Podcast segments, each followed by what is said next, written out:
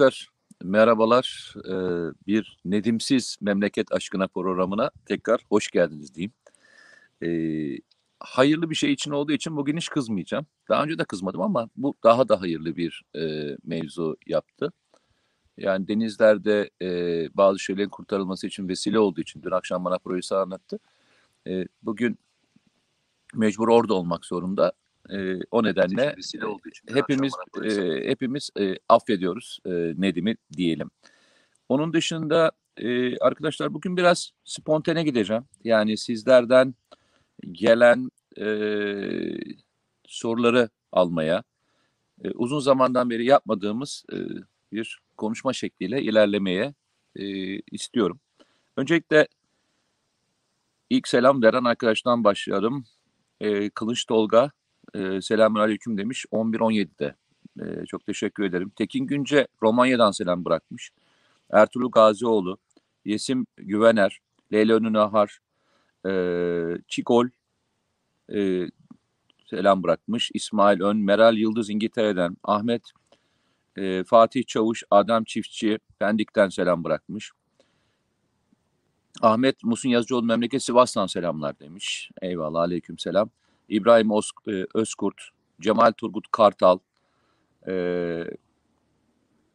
11.59'da Ahmet ceza keselim abi e, demiş. Yok kesmeyelim. Çünkü gerçekten çok güzel bir iş yapıyor. Elmalı Turta ve diğer arkadaşlar böyle selam vererek devam etmişler. Şimdi şöyle yapalım. Arkadaşlar sizin için de uygunsa. En son merak ettiğiniz e, konular neyse buraya yazın. E, hem de bu sorulara böyle cevap vereyim. Çok uzun zamandır böyle soru cevap gidemedik çünkü. Ben e, siz ilk yazana kadar birkaç e, bildiğim konudan, merak ettiğinizi düşündüğüm konudan bir gir, girişgah yapayım. E, en çok konuşulan e, konulardan bir tanesi işte nereye doğru ilerliyoruz?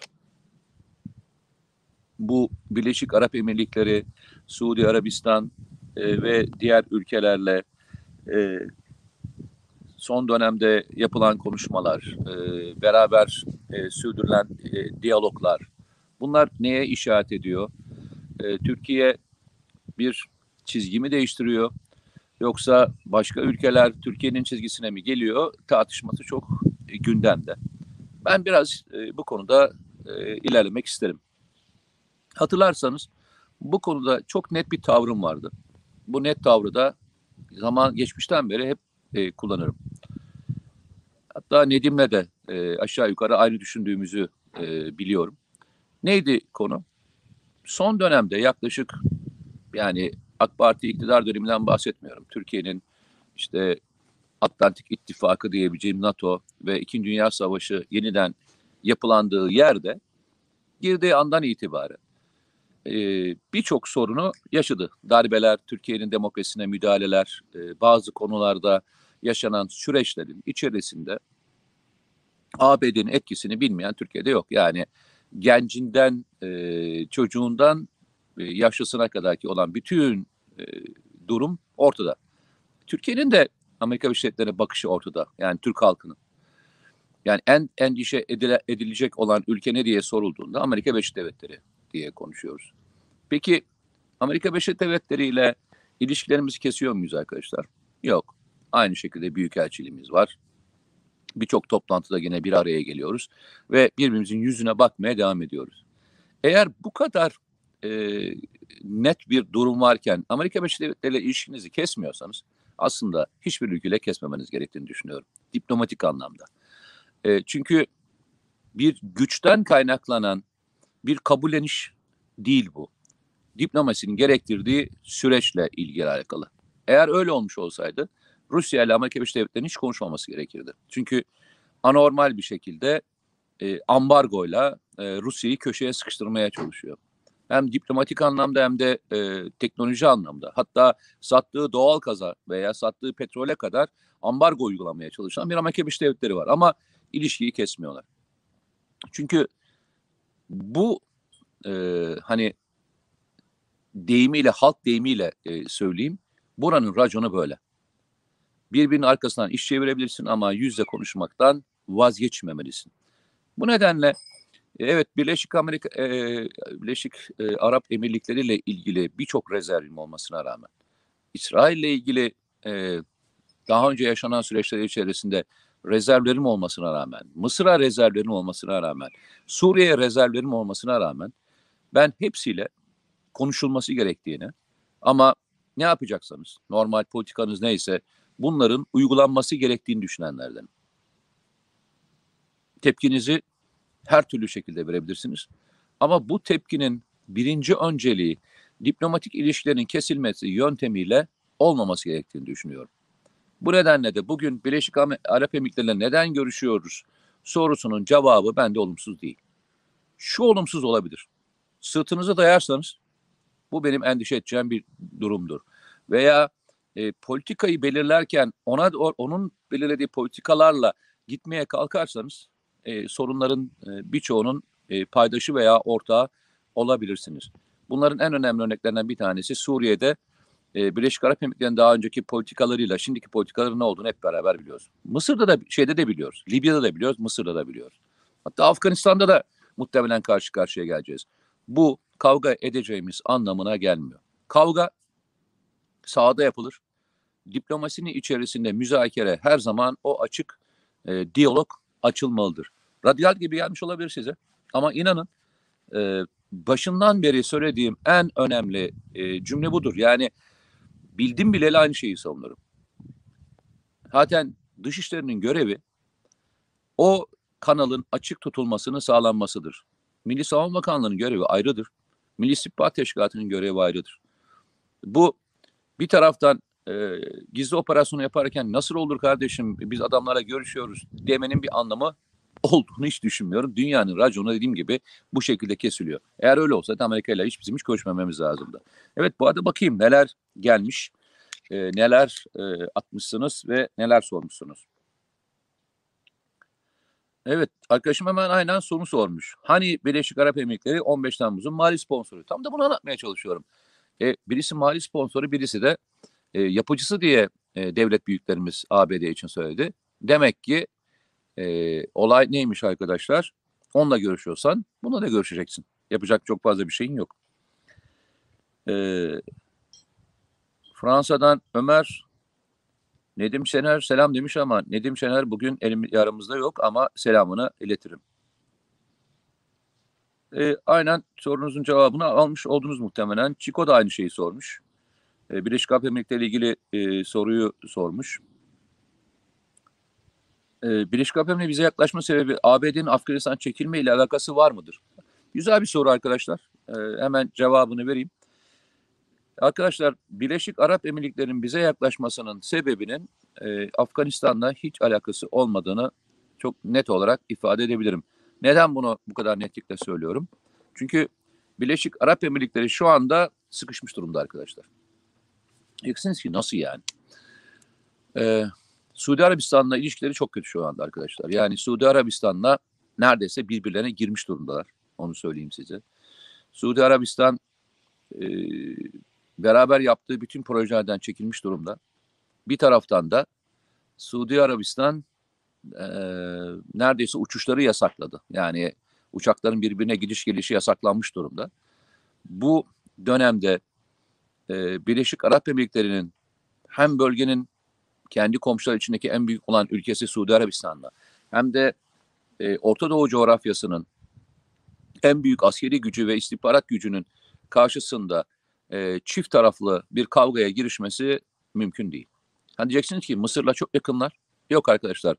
Mısır'ın e, kendi iç sorunları nedeniyle başka bir ülkeyi kurtarma veya operasyon çekme durumu olamaz. Çünkü e, Nil'den kaynaklanan komşu ülkelerle sıkıntıları var. Mısır'ın e, Libya'dan kaynaklanan sıkıntıları var. Kendi iç dengesi içerisinde birçok e, ekonomik sorunla arka arkasına boğuşuyor. Pandemiden dolayı e, en büyük gelirlerinden bir tanesi olan turizm gelirlerinden mahrum bir şekilde yaşıyorlar. Bu nedenle Mısır'ın başka bir ülkeye yardım edip ayakta tutması mümkün değil. Neden? Çünkü Suudi Arabistan da aynı şekilde Mısır'ı fonlayan ülkelerden bir tanesi. Siz Suudi Arabistan'ı karşılığında alarak Birleşik Arap Emirlikleri'nin arkasında Mısır durmaz. Peki İsrail durur mu? Asla İsrail bir kavganın içinde yer almaz.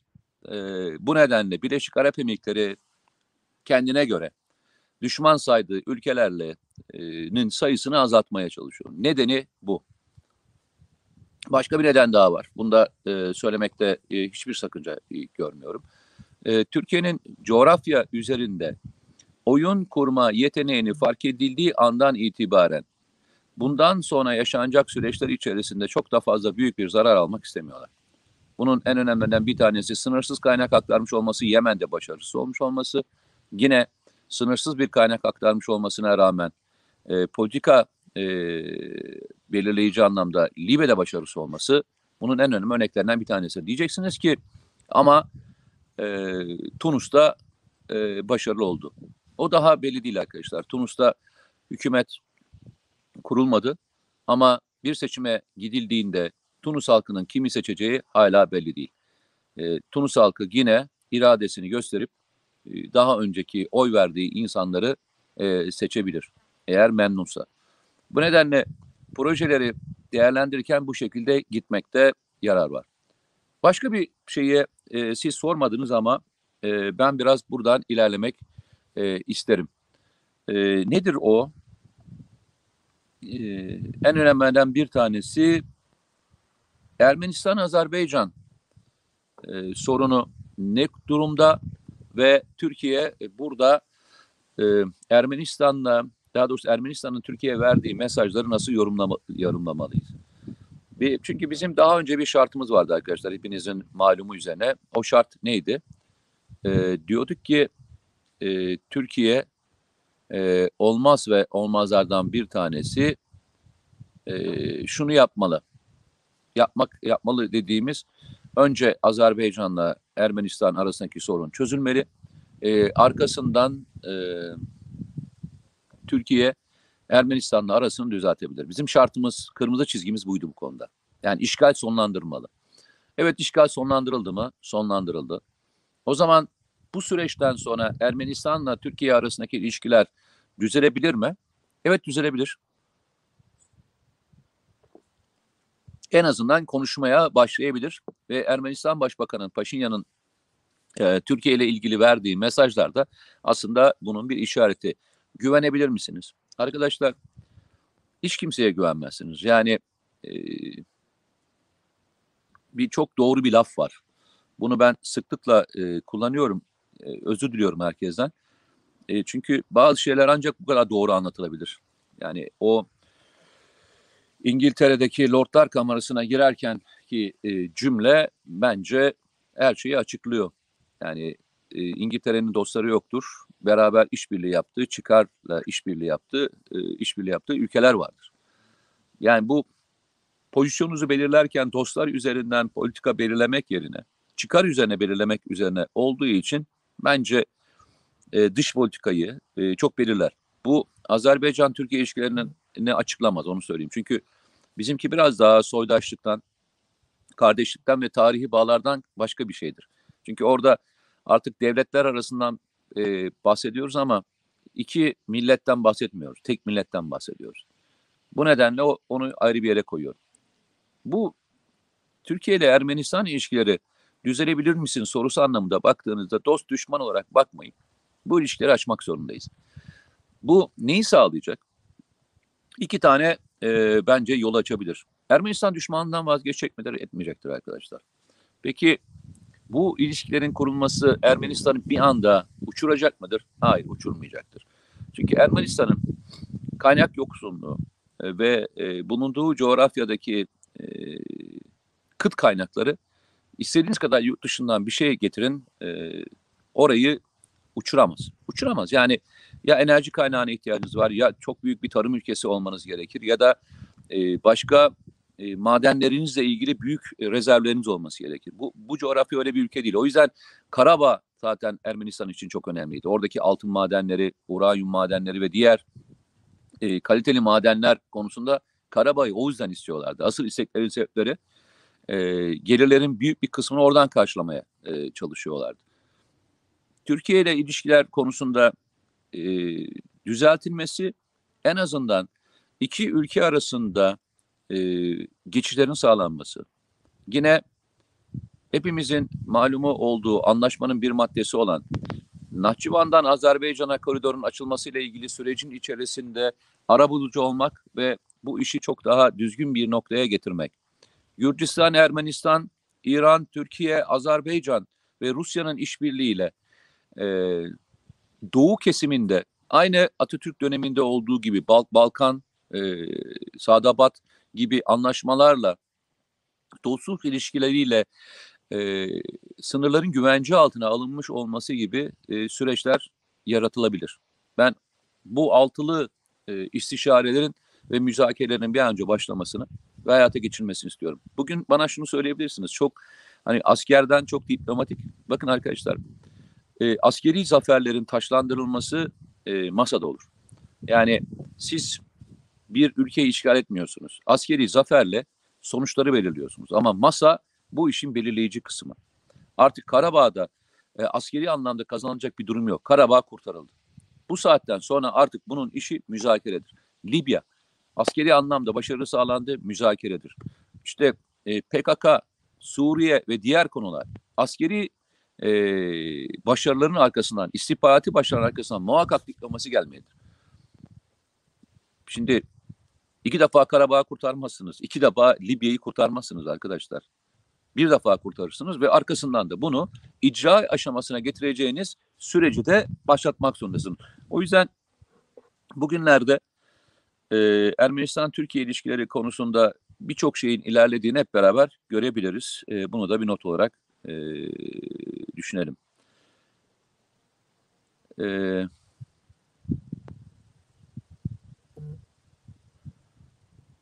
Süleyman Üstünda şey sormuş. E, hakkında çok konuştunuz ama biraz da TİHA dinlemesi gurur verici demiş. Ya şöyle söyleyeyim arkadaşlar.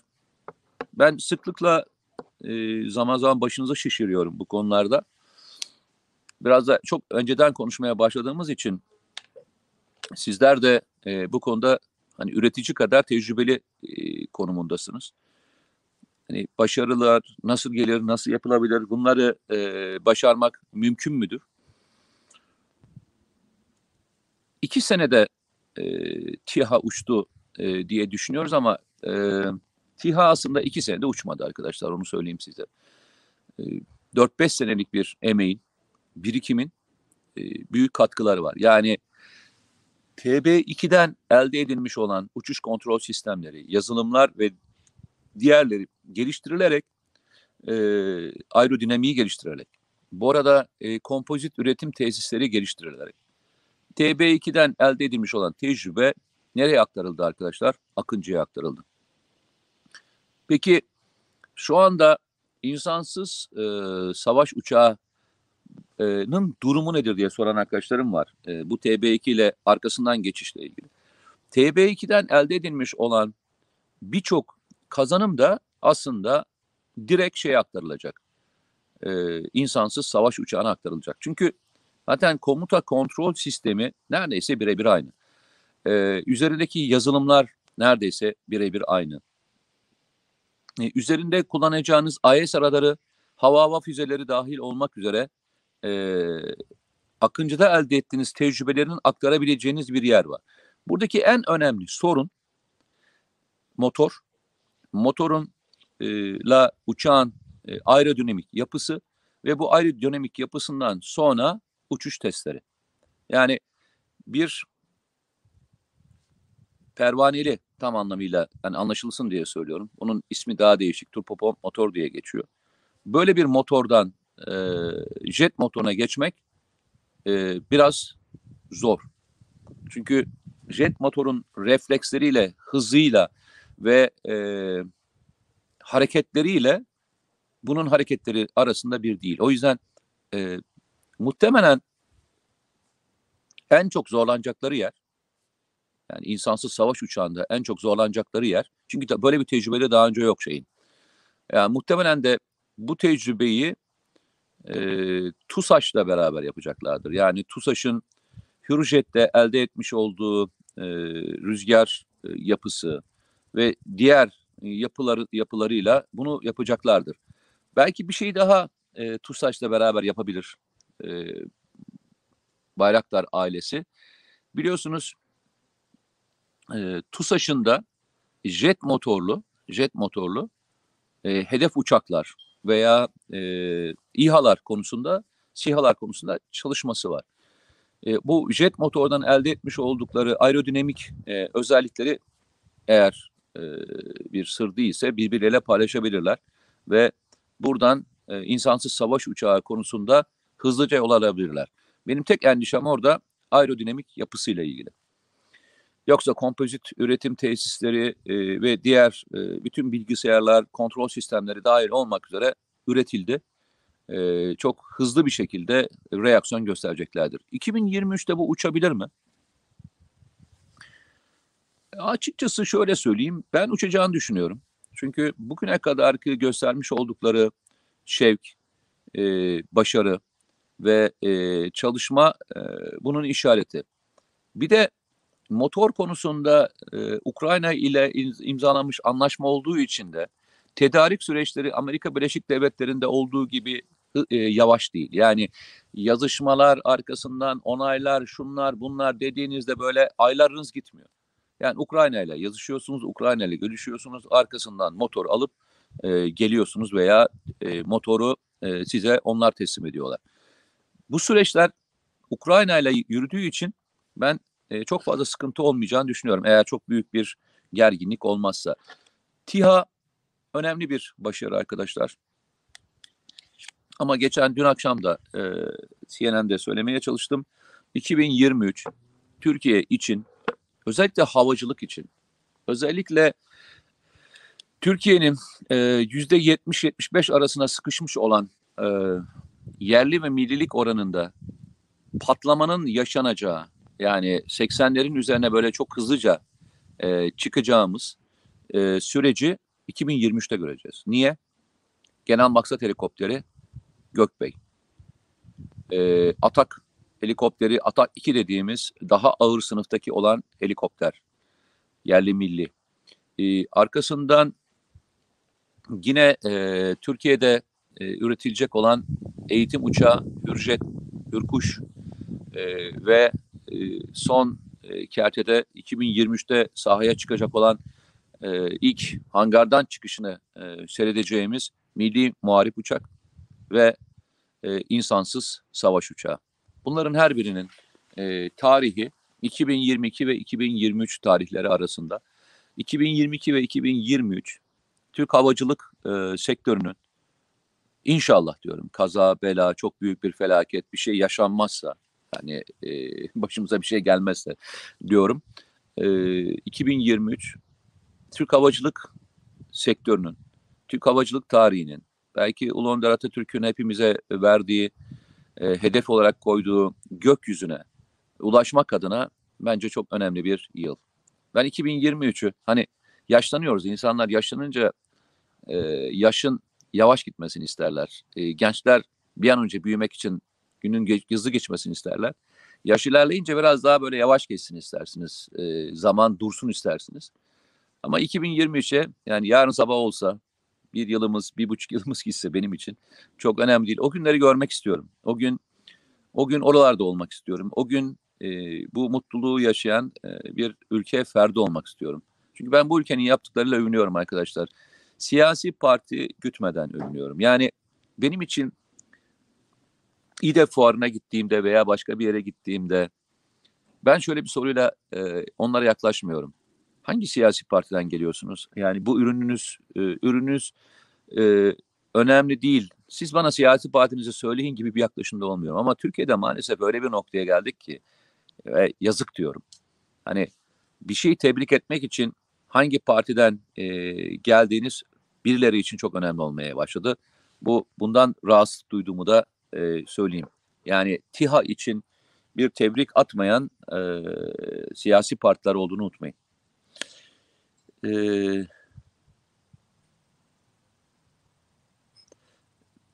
şöyle bir soru sormuş arkadaşlar. E, Çikol. ABD'de Türk İHA korkusundan 28 kongresinin verdiği İHA'larında kapsa yaptırımlarına dahil ettirirse bize nasıl etkiler abi demiş. Arkadaşlar e, bizim şu anda e, kassa yaptırımlarından etkilenecek bir ürünümüz yok. Yani SİHA'lar konusunda biz dışa bağımlı değiliz.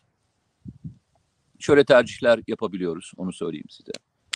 Biz kendi ürünlerimizde yerli olan ürünleri kullanıyoruz veya e, yabancı ülkelerden kassaya girmemiş ama bize avantaj sağlayan ürün varsa bunu kullanabiliyoruz.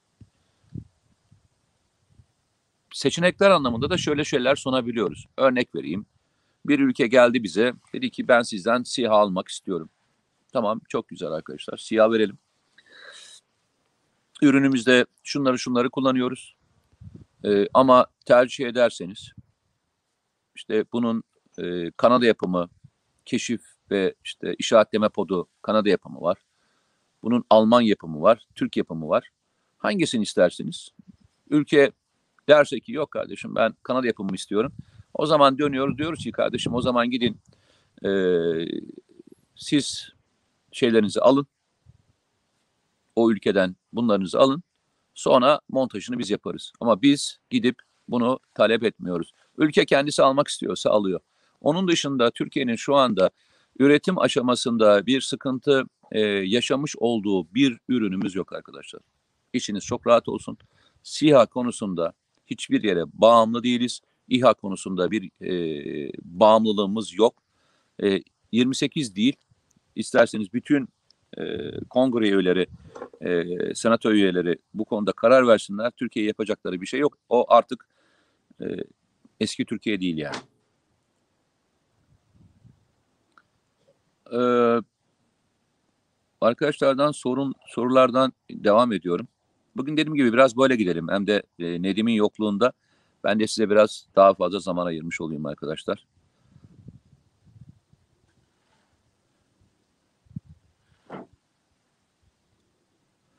İyi günler Mete abi demiş. Sizi izlemek, bilgilerinizi paylaşmanız, net konuşmanız bazı şeyleri rahatsız ediyor. İyi de oluyor.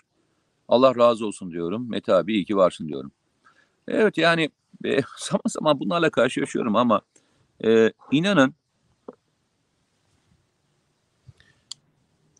benim böyle bir sorunum yok. E, ve hani Nedim de zaman zaman söyler ben de söylerim. Ben sokakta çıktığımda e, yani sizlerin arasında olduğumda hep beraber zaman geçirdiğimde hayatımın en güzel zamanlarını geçiriyorum. Çünkü o kadar güzel duygularla geliyorsunuz ki yani benim bizim beslendiğimiz yer burası arkadaşlar. Bizim kuvvet topladığımız yer burası. Yani benim ne sokakla ilgili bir derdim var ne de e, yürüdüğüm yerlerle ilgili.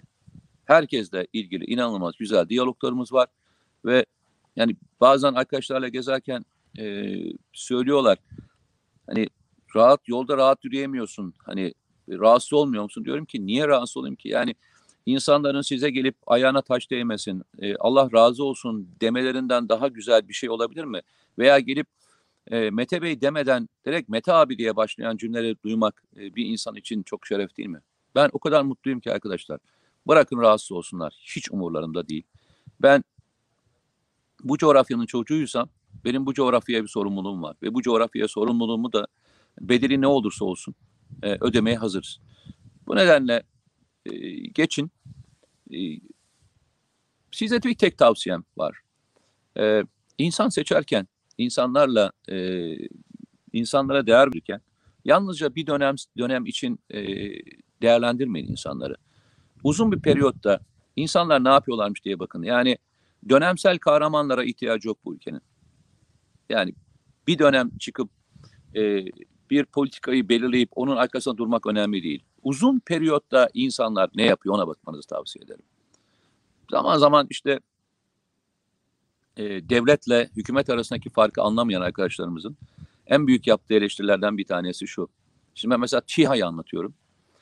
Ee, çok doğru. Yani adamın bana göstermiş olduğu tepki o kadar doğru ki. TİHA'yı tebrik edemeyecek kadar, TİHA'yı helal olsun diyemeyecek kadar olan bir adamın e, beni tebrik etmesini falan mı bekliyorsunuz? Veya yani savunma sanayi ile ilgili veya Türkiye'deki iyi bir şeyler olurken bu konuları söylerken e, beni de alkışlanacağını falan mı zannediyorsunuz? Adam kendisine şöyle bir kisve veriyor. Ben vatanseverim ve ulusalcıyım diyor. İyi de arkadaş ulusalcıysan Atatürk'ün göstermiş olduğu hedef göklerdeydi ve şu ana kadar yapılan en büyük yerli ve milli hava taşıtını e, Türkiye uçurdu. Senin e, Atatürk'ü seven bir insan olarak bundan mutlu olman lazım. E, vatanseverim diyorsan PKK ile mücadeledeki en önemli e, mücadelenin içerisinde yer alan kuruluşları desteklemen gerekmez mi? Veya işte ben e, Avrasyacıyım. İşte ben e, Türk kardeşliğine inanıyorum. Bazıları var böyle yani kızıl elmacı falan böyle hani öyle e, e, Turan e, Turancı ya bir bakıyorsun Azerbaycan konusu e, da önemli olayların başarılmasına katkı sunan e, insanlarla ilgili tek tık yok. Niye? Çünkü e, Turan'a Turan'ı belki sağlamak için gitmiyor ama e, Turan'ın içerisindeki önemli bir ülke olan Azerbaycan'ın topraklarının kurtarılmasındaki o başarıyı içselleştirmiyor. Niye? Çünkü siyasi parti üzerinden algılamaya çalışıyor. E o zaman arkadaşlar sizin Turancılığınız da çok bir şey yapmıyor. Sizin Atatürkçülüğünüz de çok fazla bir anlam ifade etmiyor. Vatanseverliğiniz de. Çünkü bunların her biri, bu bütün değerlerin her biri e, siyasi parti üzeri e, konular. Yani duygularınız, duygularınız siyasi parti üzerinden mi e, okuyorsunuz? Yok. Vatanseverliğin e, siyasi partilerle ne alakası var? Ülkülerinizin siyasi partilerle ne ilgisi var? İdeolojilerinizin siyasi partiyle ne alakası var? O siyasi parti ona uygun davrandığı için onunla beraber olursunuz. Şimdi görüyorum, konuşuyor. Bana akıl veriyor bazı arkadaşlar. Ee, akıl verebilir. Bunda da en ufak bir şeyim yok. Yani herkes herkesten akıl alabilir. Ben de akıl alırım. Yaşı önemli değil. Mevkisi önemli değil. Tahsili önemli değil. Benden daha iyi bildiği herkesin bir konusu vardır muhakkak. Akıl dinlerim. Ama e, çok nadir rastlıyorum ama işte mesela geliyor diyor ki abi işte e, işte geçmişte sen bu konularla ilgili farklı söylüyordun. Arkadaşlar diyorum ne zaman farklı söylüyordun? Bana bir tane örnek gösterin. Benim yazdıklarım orada. Konuştuklarım orada. Yani geçmişte eleştirdiğim, AK Parti eleştirdiğim konular çözüm süreciyle ilgili sürecin içerisindeki PKK silah bırakmadan bu konuşmaların yapılmasıydı. Hala aynı yerdeyim. Değişen hiçbir şey yok. Ergonekon, balyoz ve diğerlerinde hangisinde Ergonekon ve balyoz konusunda farklı konuştuğumu gördünüz? O zaman da e, karşısındaydım. Bugün de karşısındayım. Veya e, Türkiye'nin PKK konusundaki duruşunda mı değişiklik oldu arkadaşlar?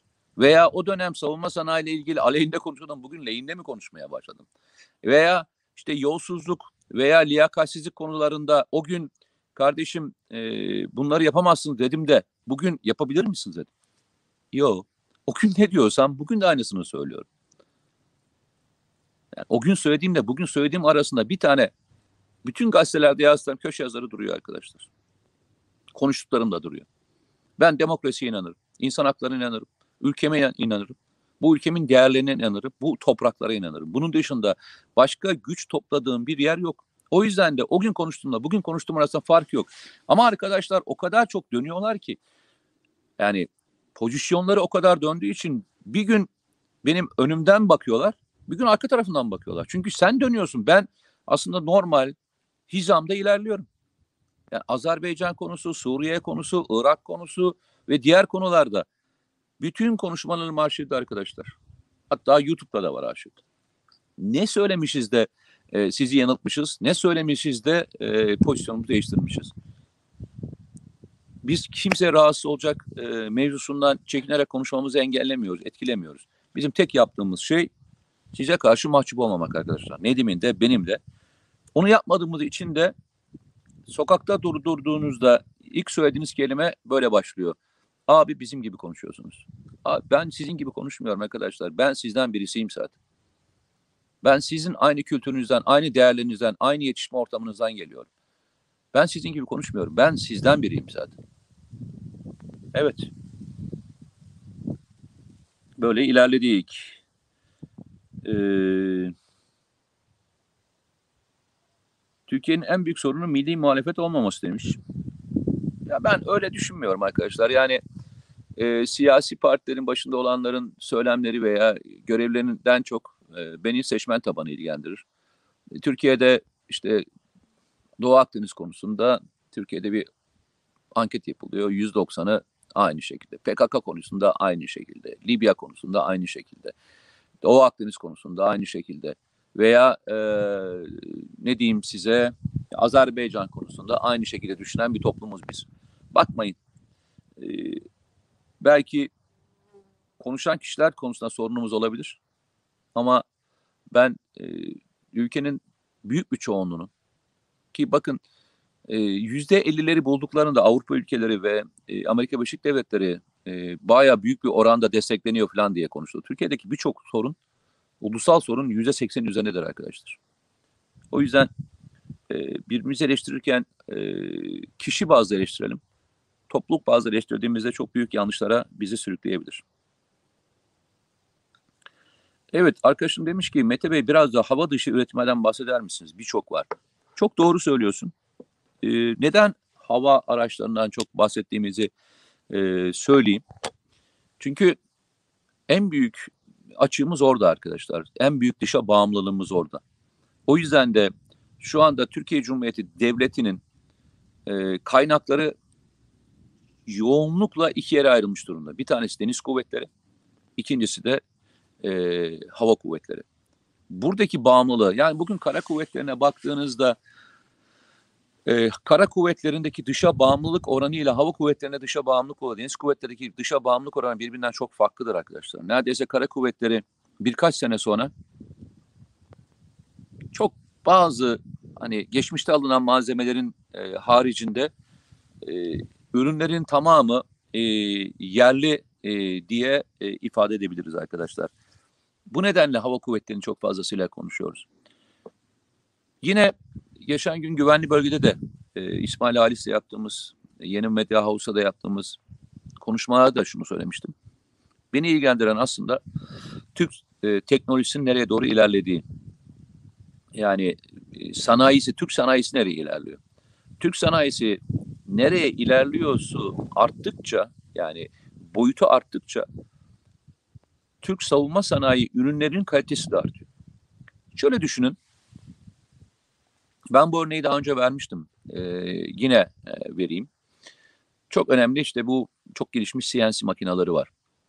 Şimdi Türkiye artık bu CNC makinelerini üretecek noktaya geldi arkadaşlar.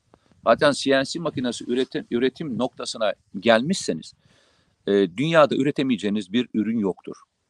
İkincisi metalin işlenmesi konusu. Yani e, bir metali alıp Türkiye'de katmanlarını oluşturabilme seviyesi de aynı e, üretim aşaması kadar önemlidir. Türkiye'de baktığınızda isterseniz tuşlasa, isterseniz bayakları ve diğerlerine bakın. Kompozit üretimi konusunda çok önemli bir noktaya geldi. Kompozit üretimi konusunda. Sonra çelik. Yani evet Türkiye büyük bir çelik üreticisi ama kaliteli çelik üretimi dediğinizde bir yerde duruyorduk. Çünkü burada ekoller vardı ve bu ekollerin içerisinde Türkiye'nin adı geçmiyordu. Yani savunma sanayisi de kullandığımız o katmanlı çeliklerin üretiminde sıkıntı vardı. Şimdi onu öğrendik arkadaşlar. Yani OYAK dahil olmak üzere, asil çelik olmak üzere birçok şirket şu anda bunları üretiyor. Balistik konusu yani balistik e, başlıklar, çelik yelekler dahil olmak üzere bu konuda muazzam bir noktaya e, gelindi. Artık bir şeyi başarınca arkasından ikinci ve üçüncü noktaya doğru e, ilerleyebiliyorsunuz arkadaşlar. Ben aslında o artık savunma sanayinden çok o alttan gelen katmanla çok ilgileniyorum ve gittiğim bütün tesislerde e, bunları görmek istiyorum. İşte makine üreticileri, işte metali işleyen e, şirketler, e, döküm atölyeleri, e, işte makine e, aksamı üreten e, ürünleri üreten şirketlere e, sıklıkla uğru- uğruyorum ve onlardan e, durumlarını öğrenmeye çalışıyorum. İnanın gururlanacağınız bir tablo var. Türkiye artık e, birkaç sene belli konularda aşabilirse ben bunu en maksimum 2025 diyorum. 2025 yılına geldiğinde Türkiye'de üretilmeyen bir şeyin olacağını ben düşünmüyorum arkadaşlar. Müthiş bir girişimci e, grubu var ve bu girişimleri destekleyen de şu anda bir ekosistem oluşmuş durumda. Çünkü üreticiler talep ediyor. Bir üreticiye sormuştum. Demiştim ki neden işte e, namlu üretmiyorsunuz. Örnek. Biliyorsunuz e, bu silahlarda kullanılan namlular e, eskiden çoğunlukla İtalya'dan geliyordu. Dediler ki yani şimdi bir namlu üretebilmek için bir tesise ihtiyaç var ve bu tesisin üretilmesi yani bu tesisin olabilmesi için de yıllık şu kadar kapasitede şu kadar tonda e, üretim ihtiyacı da olması lazım. Siz bu üretim ihtiyacı doğmadan bu tesisi açamazsınız çünkü bu e, feasible olmaz ve e, şirketi de batırır. Önce bu üretim kapasitenize ulaşmanız lazım. İşte Türkiye'deki isterseniz av tüfeği, isterseniz e, piyade tüfekleri, isterseniz tabanca üreten şirketlerin sayısının artmasıyla beraber talep anormal arttı. Bu talep artınca bu sefer çelik şirketleri o kaliteli namluyu üretebilecek olan e, sistemleri ve dökümhaneleri kurdular. Ve onlar şu anda çok kaliteli yapıyorlar. Yine e, sorulardan bir tanesiydi. Yani biz neden e, bugüne kadar şeyi üretmedik? İşte tanklarda kullanılan veya zırhlı araçlarda kullanılan o çelik e, konusunda sıkıntımız vardı. Aynı sorunun cevabı aynı şekilde verdiler. Biz üretim yapmıyorduk ki. Yani çoğunlukla yurt dışından e, ya e, hibe yoluyla alıyorduk zırhlı araçlarımızı ya da işte e, VNSS Norol'un yaptığı araçları kullanıyorduk. Ama şu anda hem yurt içine hem yurt dışına sattığımız büyük bir potansiyel var ve çelik ihtiyacı doğdu. O zaman ne yaptı? İşte OYAK bir Finlandiya şirketini satın aldı. Oradaki e, katmanlı çelik üretim konusundaki e, üretim tesisleri ve tecrübesini Türkiye'ye aktardı ve şu anda Manisa'da bunlar üretilmeye başlandı arkadaşlar. Arz ve talep. Türkiye büyüdükçe bunun altyapısı kurulacak olan şirketler içinde feasible hale gelmeye başladı. Bu fizibilite olmadan ekonominin çarklarının dönmesi mümkün değil arkadaşlar. Yani sorduğum bütün e, savunma sektöründeki veya üretici, e, alt taşeron diyeceğimiz kişilerin yorumu bu. Biz bu noktaya geldik. Türkiye'de her türlü tesisi kurduğunuzda buna ihtiyaç duyan bir altyapı oluştu. Bu altyapı oluştuğu için de artık Türkiye'de üreten şirketler aynı zamanda ihracat yaptıkları malların büyük bir kısmını da yurt dışına satmaya başladılar. Eğer önce Türkiye'yi karşılamak şartıyla. Hala çelikte ilerlememiz gereken bir nokta var. Türkiye e, zırhlı araçlarda kullanılan çeliğin e, bir kısmını hala yurt dışından satın alıyor. E, ne zaman ki Türkiye bunu tamamen sağlar, arkasından yurt dışına da bu kaliteli çeliği e, satmaya devam eder. Motor da böyle bir şey. Motorda da ihtiyaç duyarsanız yaparsınız arkadaşlar. Yıllardan beri şu konu konuşuluyor. Neden tank motoru yapmadık? Ya arkadaşlar tank yapmanız lazım önce tank motoru yapmanız için. Yani tank yapmadan tank motoru yapmanız mümkün mü? Ne yapacaksınız? Tank motorunu yapıp eve mi koyacaksınız? Yok. Onu kullanacağınız bir tankınızın olması gerekiyor. Tank motoru e, gündeme geldi. Tank, geldiğinde tank motoru da gündeme geldi. İşte zırhlı araçlar çok üretilmeye başladığında zırhlı araçlarda kullanılan o 350 beygir, 600 beygir, 800 beygir, 1000 beygirlik motorlar o zaman gündeme gelmeye başladı. Ki biz bunları şu anda Allah'a şükür bir şekilde e, başardık. Dediğim yokken inşallah canınızı sıkmamışımdır. Sorularınıza cevap vermeye çalıştım. Beraber güzel bir sohbet, o özlediğimiz sohbeti e, yaptık. E, Allah'a emanet olun diyorum. Kendinize iyi bakın. E, inşallah Nedim'in de olduğu bir sohbette farklı farklı şeyleri de konuşmaya devam ederiz. Görüşmek üzere. Allah'a emanet olun arkadaşlar.